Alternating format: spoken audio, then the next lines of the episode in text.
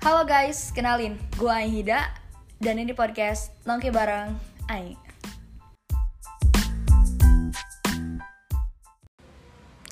Halo, um, balik lagi di podcast Nongki Bareng Ai. Tapi kali ini aku sendiri dan nggak uh, invite siapa pun karena aku pengen membahas sesuatu yang paling sering ditanyakan setiap kali aku buka Q&A di Instagram atau misalkan di NGL.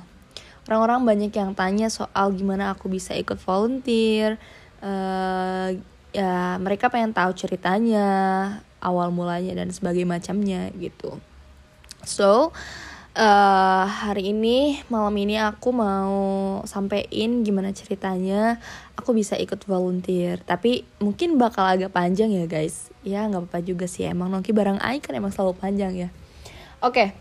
um, so gimana sih aku bisa ikut volunteer? Sebenarnya kalau volunteer itu kan banyak ya jenisnya. Karena ya namanya relawan ya. Relawan itu adalah uh, sesuatu pekerjaan yang uh, secara sukarelawan gitu secara secara sukarela, secara tulus gitu untuk melakukan sesuatu, even itu nggak dibayar gitu. Tapi emang mostly jadi relawan emang nggak dibayar.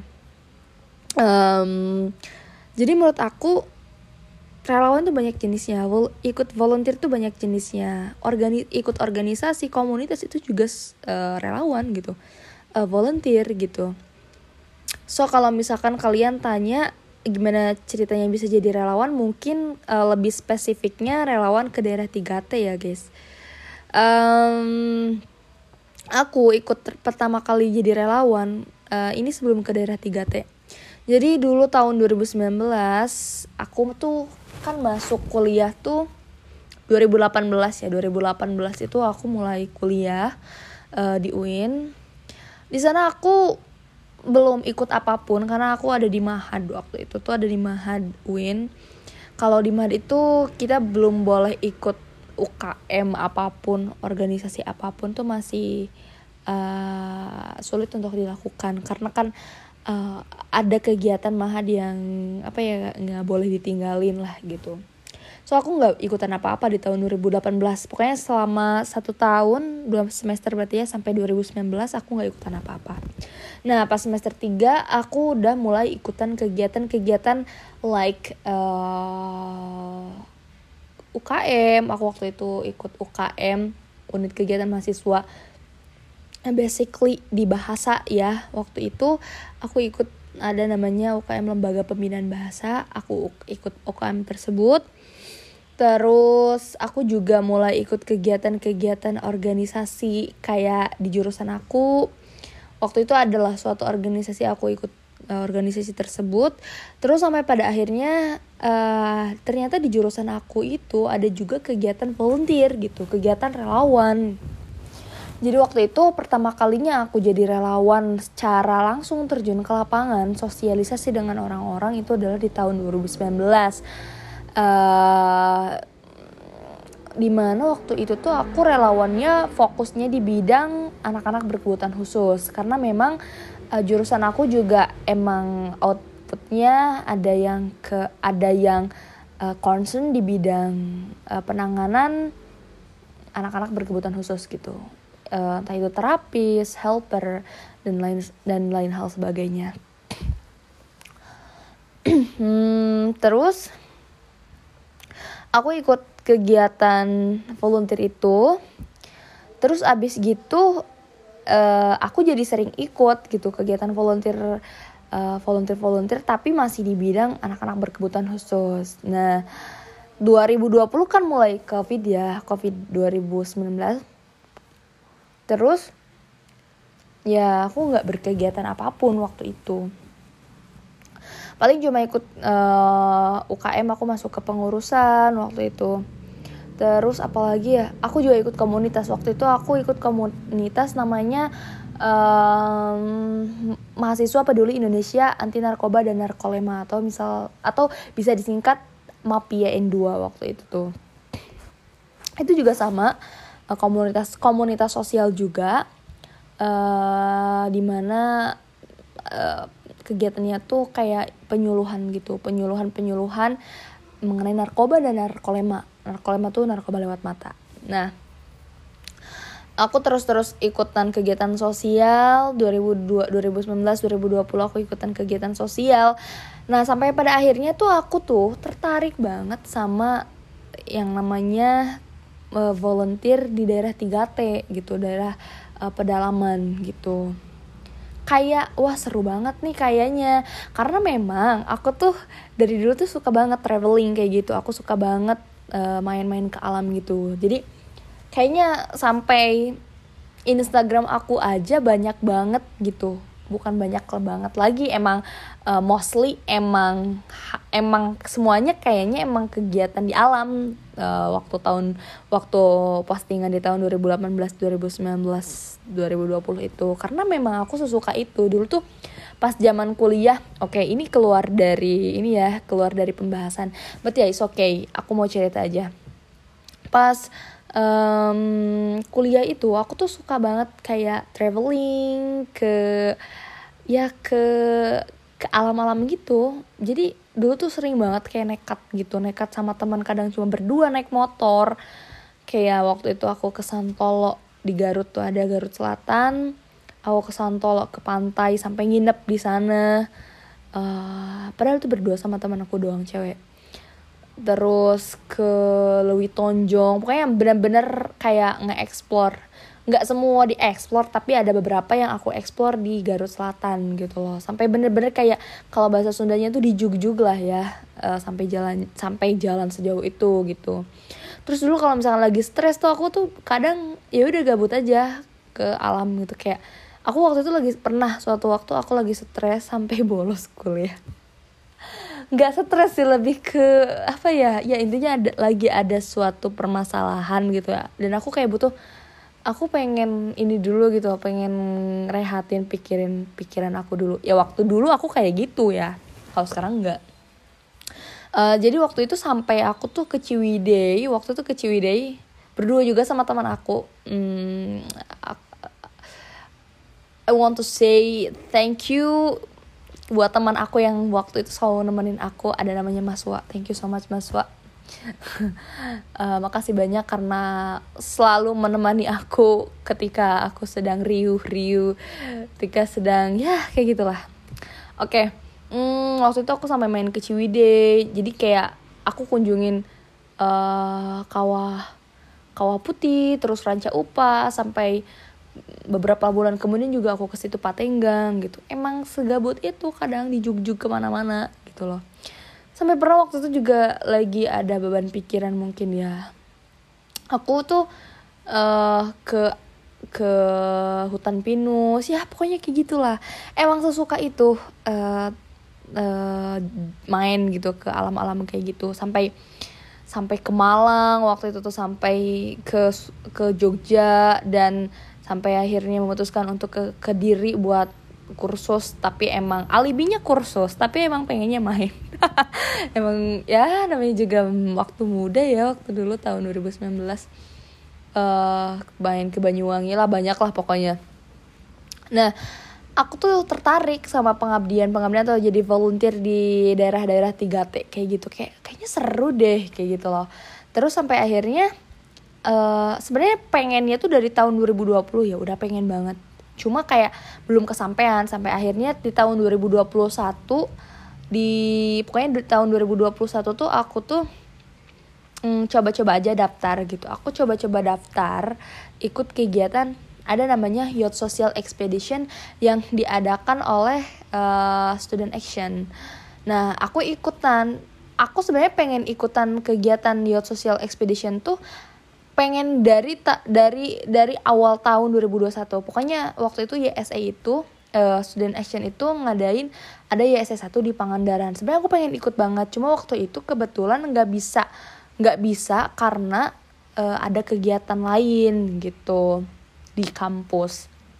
So pas YSE 2 ada lagi tuh aku pengen banget tuh ikutan. Akhirnya aku daftarin diri buat ikut YSE 2 itu. Eh, uh, keterima fully funded aku nggak terima aku nggak keterima yang dibiayain full gitu enggak tapi aku tuh dapat yang per, uh, yang partial funded waktu itu tuh. Partial funded itu jadi kayak ada uh, tiga golongan gitu ya tiga tiga iya tiga lah gitu. Kalau misalkan daftar di kegiatan volunteer biasanya tuh ada tiga ada tiga uh, apa ya bukan tiga golongan. Ya kayak gitulah pokoknya. Jadi ada fully funded ada partial funded ada self funded. Nah aku tuh waktu itu dapat yang uh, partial funded which is partial funded ini um, dipotong gitu dipotong setengahnya biayanya itu. Nah akhirnya aku memberanikan diri untuk melangkahkan langkah pertama ikut kegiatan volunteer di luar pulau gitu. Uh, aku ikut partial funded waktu itu masih zaman covid juga ya. Uh, itu biaya masih biaya sendiri loh. Aku bayar bayar setengahnya terus pesawat juga bayar sendiri. Waktu itu ma udah mah uh, ada tes PCR dulu kan. Waktu itu naik pesawat tuh masih harus melakukan PCR itu aku biaya sendiri gitu. Belum belum yang dibiayain belum gitu. But aku sih kayak ya udah nggak apa-apa mumpung masih muda gitu. Aku tuh dulu mikirnya gitu selagi waktu itu juga alhamdulillah emang uh, ada rezekinya lah lagi ada uang juga gitu kan. Jadi ya udahlah pokoknya aku berangkat aja gitu. Akhirnya berangkat waktu itu tempatnya di Pulau Mapur di Bintan Kepulauan Riau. Aku berangkat di sana kegiatannya selama kurang lebih 10 hari. Dan itu first impression aku ikut kegiatan volunteer di luar pulau di daerah 3T itu first impression yang luar biasa bagus banget. Kayak wah ini kegiatannya seru banget gitu loh. Udah ketemu sama orang baru dari berbagai ju di, dari berbagai penjuru negeri gitu. Karena kan itu seluruh Indonesia ya. Ada ada yang dari Aceh yang ada yang dari Jambi Pulau Sumatera dari Pulau Kalimantan juga ada dari uh, Jogja Jawa juga pokoknya ada pokoknya. Dari Bali juga waktu itu ada. Dan seru banget ketemu sama orang baru. Mungkin karena aku juga tipe yang suka banget bersosialisasi dengan orang banyak aku aku tipe aku kan ya kalau misalkan uh, mengikuti ke MBTI aku emang extrovert ya aku extrovert banget malah. Um, aku tuh seneng gitu pas jadi pas ketemu sama orang banyak dari berbagai penjuru negeri di kegiatan volunteer itu kayak wah ini gila gokil seru banget parah. Itu tuh nggak kayak aku nggak perlu bonding lama gitu. Eh kayak pas ketemu tuh langsung yaudah klop aja gitu. Beberapa jam udah ketemu tuh kayak ya udah langsung klop gitu. Emang seseru itu pokoknya volunteer itu. Terus pas udah di lapangan juga kayak wah aku aku jadi kenal sama anak-anak di daerah sana kayak Ih, gila itu seru banget gitu loh guys. Aku waktu itu kan di divisi pendidikan ya which is ya emang basically di ya sama anak-anak gitu kegiatannya itu gitu jadi kayak wah seru banget main sama anak-anak gitu. Padahal aku dulu nggak suka anak-anak ya cuma uh, ya pada akhirnya ya suka juga gitu. Itu aku suka banget gitu kan main sama anak-anak. Mana anak-anaknya kan ya asik-asik gitulah pas di sana tuh. Kayak ya kayak ke adik-adik aja gitu. Terus uh, warganya juga luar biasa ramah-ramah. Terus kayak bisa bercengkrama dengan warga-warga di sana. Terus kayak bisa tahu oh mereka tuh ternyata uh, banyak yang imigrasi juga gitu. Eh banyak yang apa sih imigrasi gak sih bahasanya? Apalah pokoknya banyak yang dari luar pulau juga. Kayak misalkan mereka tuh ada yang orang Sulawesi bahkan ada yang orang Jawa Barat juga gitu. Kayak wah seru banget gila gak sih? Kayak ini aku aku kayaknya harus ikutan lagi gitu kegiatan-kegiatan yang kayak gini. Soalnya emang seseru itu guys. Aku nggak bohong itu seru banget kegiatan-kegiatan kayak gitu tuh. Udah bersosialisasi sama orang banyak gitu. Terus jadi nambah relasi juga punya kenalan baru gitu. Terus tuh uh, nambah ilmu pengetahuan juga dan aku tuh menemukan makna gitu. Ini terlalu dalam ya kayaknya.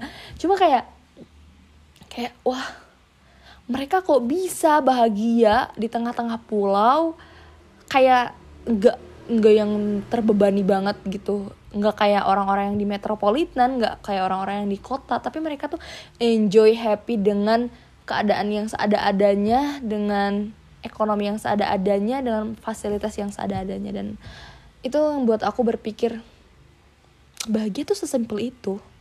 Asal kita mau bersyukur aja sih. Karena karena kebahagiaan itu didapat bukan bukan apa ya didapat tuh dari dari penerimaan gitu dari sebuah penerimaan keadaan gitu. Penerimaan takdir yang yang kita jalani. Dan ya keadaan yang kita hadapi gitu.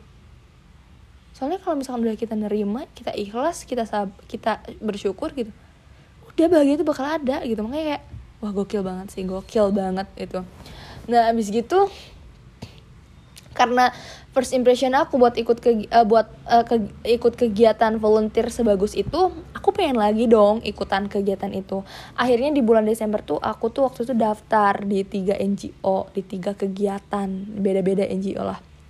Waktu itu aku ikut daftar di BUI Bakti untuk Indonesia. Aku ikut aku juga daftar di student action di student action juga kalau nggak salah. Nggak tahu eh iya student action pokoknya student action. Terus aku daftar juga di kami foundation milenial mengabdi. Nah yang waktu itu student action tuh ke Sulawesi terus uh, Bu itu ke Papua dan kami foundation tuh ke Lombok waktu itu tuh. Nah aku tuh uh, pas daftar itu nggak keterima fully funded juga. Tiga tiganya itu nggak keterima. Cuma dari tiga tiganya itu aku keterima partial funded gitu. Terus kayak ya udah sih aku kayak ya semuanya juga mungkin butuh proses lah. Nggak secepat itu sampai pada titik di mana aku harus mendapatkan fully funded. Dan aku juga nggak terlalu mengharapkan juga ya untuk uh, dapat fully funded dengan kapas kapasitas kemampuan aku yang menurut aku masih kurang ya uh, buat karena menurut aku ya kalau misalkan kita mau dapetin sesuatu yang wah luar biasa kalau misalkan kita pengen dapetin sesuatu kayak sesuatu kayak fully funded nih ya kita juga harus ngaca harus sadar diri. Kita kita berhak nggak sih? Kita pantas gak sih menerima sesuatu yang besar itu gitu. Makanya aku tuh waktu itu juga masih ngerasa kurang gitu. Dengan kemampuan aku dengan kapasitas aku masih ngerasa aku tuh kurang kurang jam terbang juga gitu. Jadi makanya ya udah enjoy aja gitu. Kayak aku nggak aku nggak apa-apa gitu. Nggak keterima fully funded juga. Aku partial funded juga udah bersyukur banget lah waktu itu akhirnya waktu itu dari tiga tiga NGO itu aku memilih dari uh, ke kami foundation. Aku milih kegiatan milenial mengabdi 1.0 di Lombok waktu itu. Nah itu tempatnya waktu itu di Bunmas Lombok Barat kalau nggak salah sekotong lah.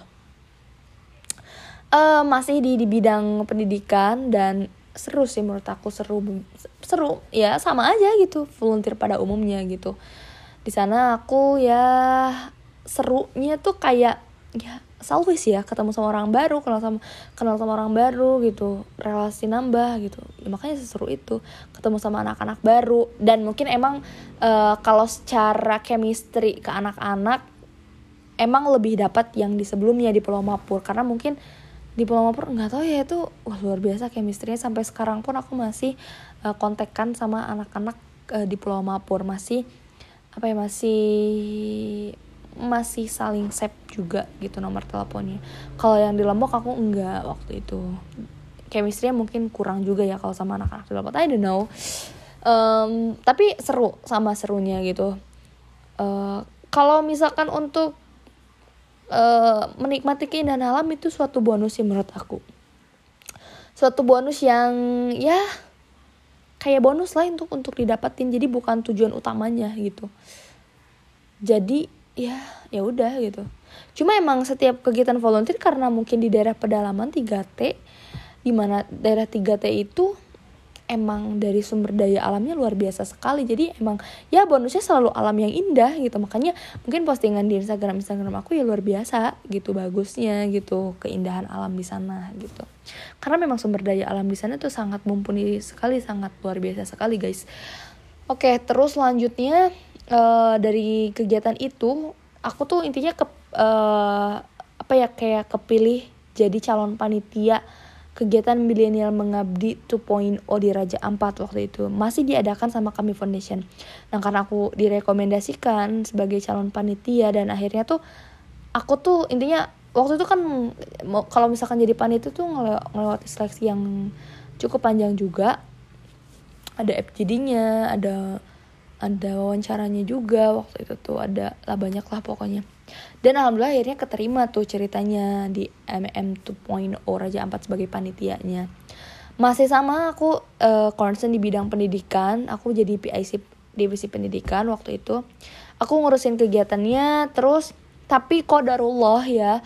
Ya rencana Allah selalu yang terbaik ya. Aku nggak bisa ikut ke sana karena waktu itu aku bentrok uh, berangkatnya kan harusnya bulan Agustus tahun kemarin Agustus itu aku sidang munakosyah sidang skripsi di Win.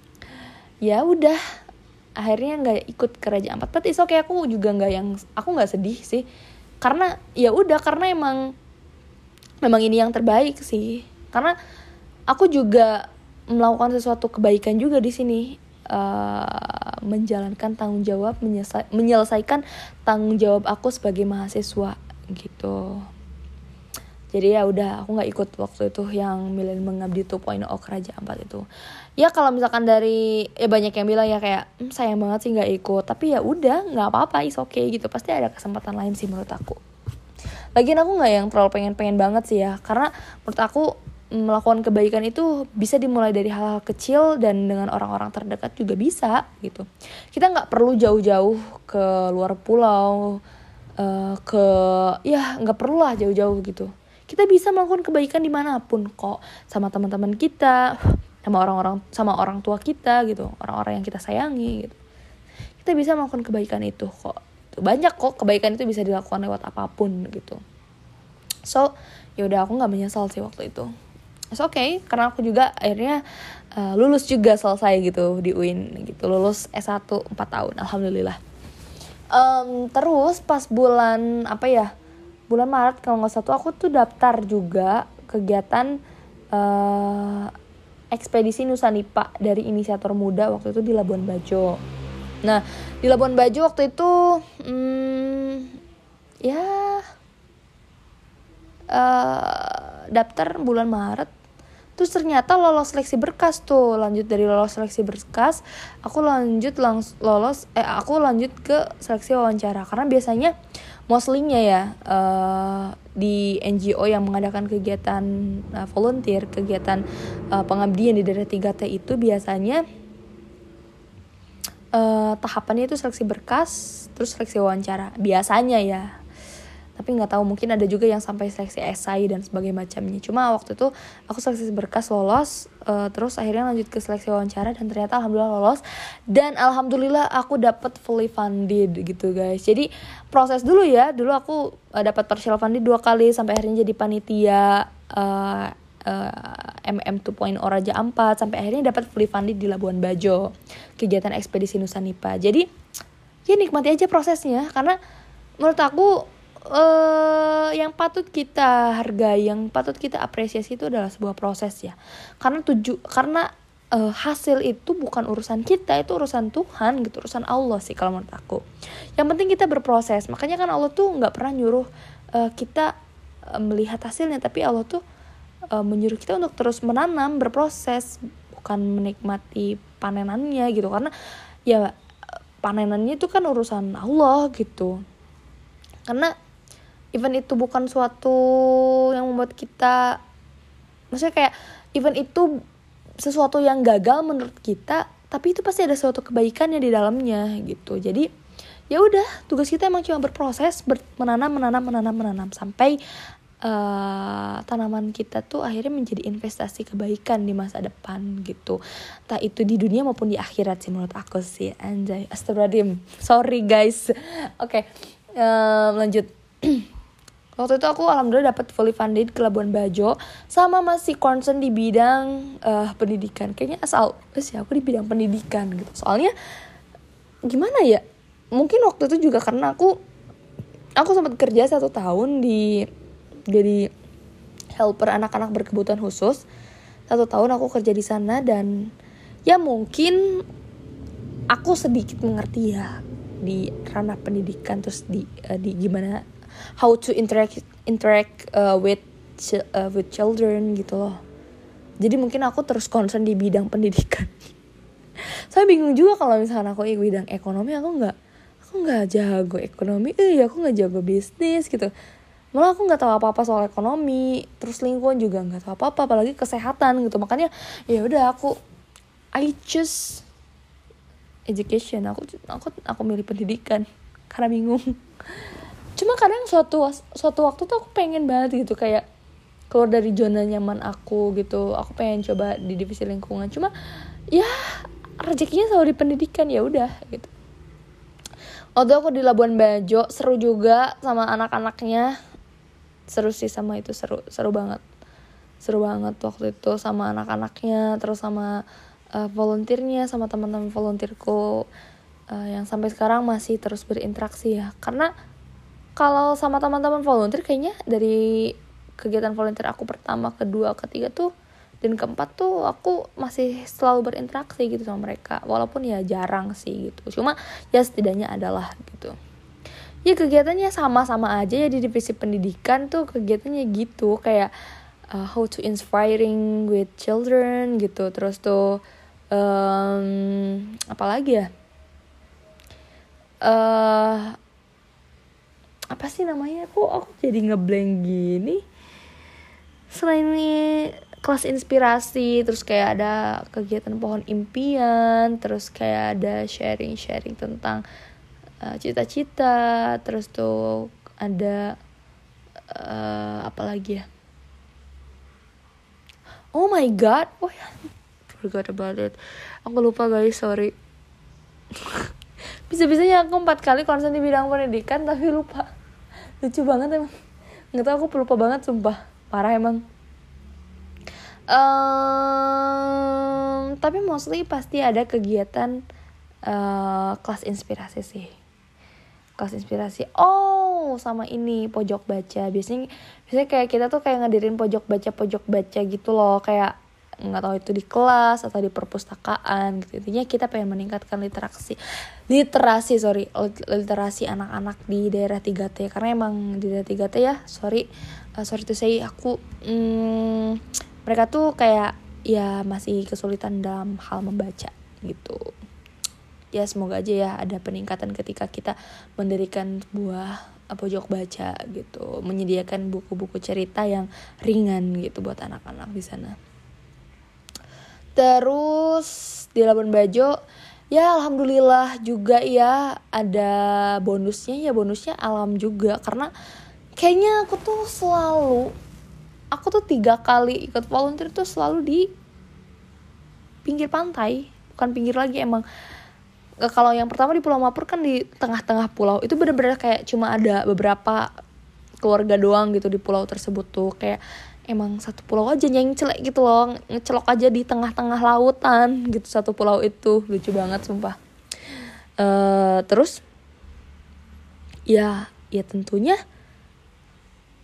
ya tentunya di pinggir pantai gitu loh. Sampai rumah aja kayak rumah aja di atas air rumah panggung gitu loh guys. Terus pas di lombok juga sama walaupun gak yang di pulau gitu. Cuma sama pas uh, kita tuh tinggal ada di mes gitu terus pas di belakangnya tuh langsung di belakangnya tuh ada ya pantai gitu. Terus di Labuan Bajo juga sama malahan di sana tuh cuma ada berapa puluh kakak sedikit banget sampai saya tuh nggak ada motor. Karena emang ya udah cuma segitu doang rumahnya tuh gitu sedikit banget. Dan itu tuh ya udah satu pulau itu doang gitu kayak di depan terus buka buka pintu rumah tuh ya langsung laut gitu. Selalu di laut kayak gitu nah uh, di Labuan Bajo terus alhamdulillah ya Alhamdulillah aku merasakan keindahan Labuan Bajo yang sangat luar biasa Masya Allah. Terus sampai akhirnya aku uh, lulus kan aku tuh udah lulus nggak tapi belum wisuda. Waktu itu kan uh, belum wisuda Agustus Agustus selesai skripsi Alhamdulillah bulan Oktober aku keterima kerja dan alhamdulillahnya lagi aku keterima kerja di dunia sosial. Di dunia sos di dunia sosial juga gitu. Makanya mungkin sampai sekarang juga teman-teman ngelihat aku banyak ikut kegiatan uh, volunteer gitu. Kayak volunteeran gitu kayak kemarin ke Cianjur. Tapi itu tuh sebenarnya bukan uh, relawan-relawan kayak biasa yang aku ikutin. Sama sih cuma mungkin bedanya itu dari tempat kerja aku gitu. Bukan dari uh, eh, NGO yang biasa aku ikutin gitu tapi dari tempat kerja gitu. Jadi aku sampai sekarang juga alhamdulillah kerja di dunia sosial gitu sesuai passion aku. Oke okay. um, nah pas bulan November November itu aku ditawarin jadi panitia kegiatan ke Sumba waktu itu. Dari GSE juga sama karena mungkin udah kenal juga sama founder uh, student actionnya.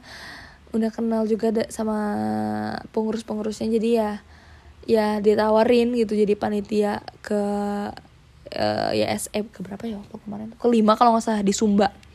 Di Sumba. Aku oke oke aja sih aku oke oke aja waktu itu. Cuma emang waktu itu sedikitan sih uh, relawannya. But ya udah is okay gitu. Uh, I can handle it terus pas udah di sana ternyata bukan di pantai. Ternyata itu di pegunungan. Kayaknya dari sekian banyak kegiatan volunteer yang pernah aku ikutin itu satu-satunya yang paling berkesan. Berkesan dari segi tempat yang luar biasa sekali. Keindahannya jangan ditanya itu indah banget guys. Sumba itu wah luar biasa. Kayak ini Indonesia ya?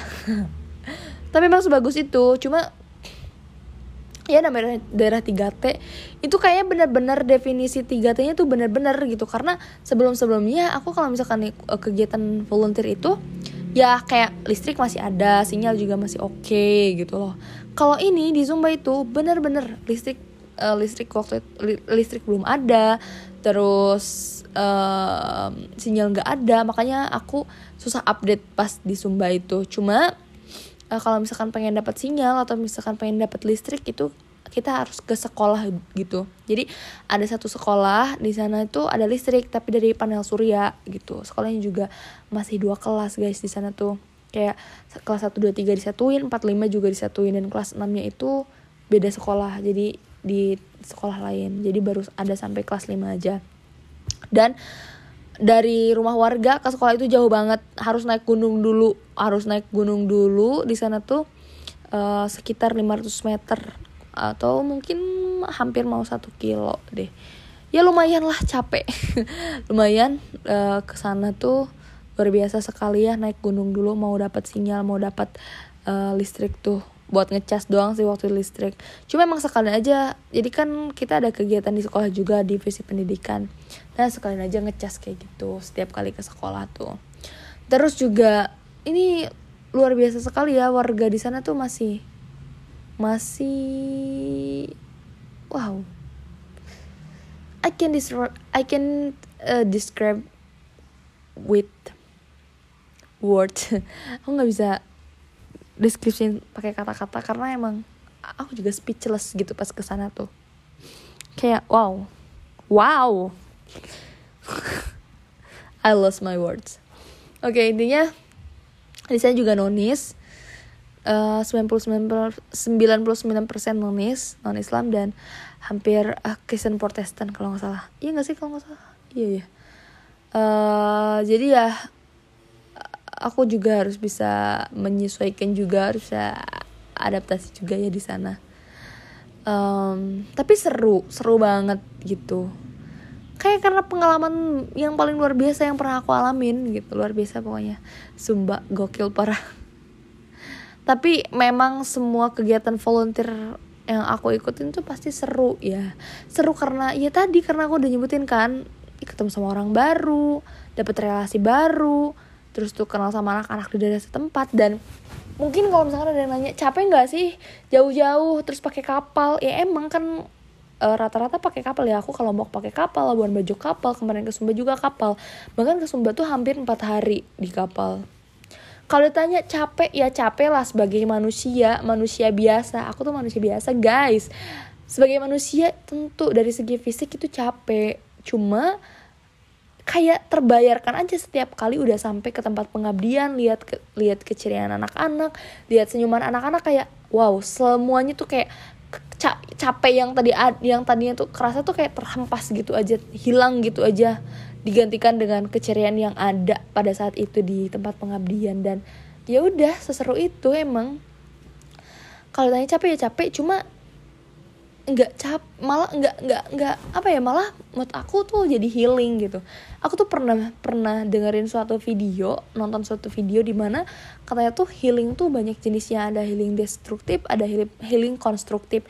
Kalau destruktif tuh kayak eh, nggak uh, long term gitu nggak jangka panjang gitu impactnya tuh gitu. Kalau healing konstruktif itu ya long term jangka panjang impactnya itu gitu. Kayak ya banyak hal gitu. Kayak salah satunya ikut kegiatan relawan volunteer itu adalah healing yang konstruktif. Dan itu emang uh, works di aku gitu bekerja di aku gitu. Karena setiap kali ikut pengabdian aku selalu seneng selalu bahagia gitu. Walaupun capek aku seneng banget gitu. Dan ya kalau seru seru banget deh cuma kayak aku banyak menemukan sesuatu. Makna hidup. Sesuatu yang tidak biasa yang yang yang sebelumnya aku nggak pernah dapetin itu gitu. Wow luar biasa banget. Aku jadi banyak belajar gitu ketika ikut kegiatan volunteer itu kayak ih lo selama ini kurang bersyukur apa gimana? Lihat mereka tuh sebagai ini loh. Bagi itu simpel banget gitu loh. Luar biasa banget gitu kayak banyak banget lah yang aku dapetin gitu ketika ikut volunteeran dan aku nggak bisa ungkapin semuanya itu di sini kayak karena emang itu dirasakan gitu loh guys. Intinya aku bahagia ketika ikut kegiatan volunteer. Aku menemukan suatu makna makna kehidupan. Aku menemukan suatu kebahagiaan menemukan uh, keindahan kebahagiaan non materi itu yang aku temuin. Luar biasa sih gokil banget parah. Karena menurut aku apa pun yang terjadi pada hidup kita itu pasti ada maknanya. Ya volunteer juga ada maknanya. Dan kalau misalkan kayak kalian suka, suka, ada aja yang bilang pengen banget sih kayak teh ai pengen banget sih kayak ai gitu. Ikut kegiatan volunteer ke daerah 3T keluar pulau uh, sambil menebarkan kebaikan gitu. Sebenarnya kayak kalau keluar pulaunya itu kayak suatu bonus sih. Kayak menurut aku apa ya uh, melakukan kebaikan tuh ya bisa di mana aja. Menjadi manusia bermanfaat itu bisa di mana aja. Berbakti sama orang tua juga itu udah kebaikan. Suatu hal yang bermanfaat gitu. Menurut aku ya. Investasi masa depan juga sama kalau misalkan suka ada yang bilang tapi kan ikut ada aja gitu yang bilang tapi kan ikut pengabdian kayak gitu cuma sebentar kan itu nggak bisa disebut mengabdi yes betul banget. Itu nggak bisa dikatakan untuk mengabdi cuma kadang we never know gitu. Kita nggak pernah tahu kebaikan mana yang akan berdampak di masa yang akan datang gitu. Ya itu karena tugas kita yang menanam. Kecil atau besar itu suatu ukuran saja gitu loh itu kuantitas saja gitu kecil dan besar itu hanya satu ukuran gitu. Yang menilai itu yang yang yang bisa menilai itu adalah Allah gitu Tuhan kita. Yang bisa menentukan kebaikan itu akan berdampak di hari yang akan datang tuh cuma Allah gitu. Cuma Tuhan gitu loh. Dan kita nggak bisa mengatur itu kayak kita misalkan melakukan suatu kebaikan yang besar tapi ternyata nggak berdampak di masa yang akan datang ya udah nggak apa-apa gitu kalaupun bukan di hari ini berdampaknya mungkin di di beberapa tahun kemudiannya ya kita nggak pernah tahu. Karena ya tugas kita itu menebar kebaikan menebar kebermanfaatan menanam menanam, hal-hal yang baik investasi hal-hal yang baik ya buat masa depan gitu. Entah itu buat dunia ataupun buat akhirat kita gitu. Ya gitu sih pokoknya. Kalau misalkan kalian pengen ikutan kegiatan volunteer ya banyak kalau misalkan mau ikut kegiatan volunteer 3T banyak juga. Kalian bisa lihat di ID volunteering itu di Instagram ya. Instagramnya ID volunteering ID and volunteer. Itu biasanya kayak hmm, NGO NGO NGO itu kalau misalkan ngadain kegiatan biasanya mereka ikut paid promote di uh, Instagramnya ID volunteering. Kalau enggak ID and volunteer. Kalian bisa cek di sana uh, dan itu pasti banyak banyak banget um, open recruitment volunteer volunteer. Apa pun ya apa pun itu di sana tuh kayak uh, oprek uh, relawan apa pun gitu ada. So mungkin itu sih dari aku kalau misalkan mau nyeritain tentang pengalaman volunteer. Ini panjang udah 30 udah 39 menit. Panjang banget ya. Ya gimana kalau misalkan udah ngomong ya kayak gini. Even itu sendiri so um, uh, ya begitulah cerita-cerita aku ketika volunteer. Mungkin kalau misalkan dibahas secara mendetal itu pasti bakal panjang banget berjam-jam. So ya ya segini adanya yang aku bisa sampaikan uh, siapa pun kalian yang mendengarkan ini terima kasih. Dan semoga bisa bermanfaat ya apa yang aku sampaikan hal-hal baiknya boleh diambil tapi hal yang buruknya tolong jangan diambil. Hmm, terima kasih buat teman-teman yang sudah mendengarkan. Um, semoga kalian uh, bisa ikut kegiatan volunteer-volunteer di mana pun itu ya. Sehat selalu, bahagia selalu, dan see you.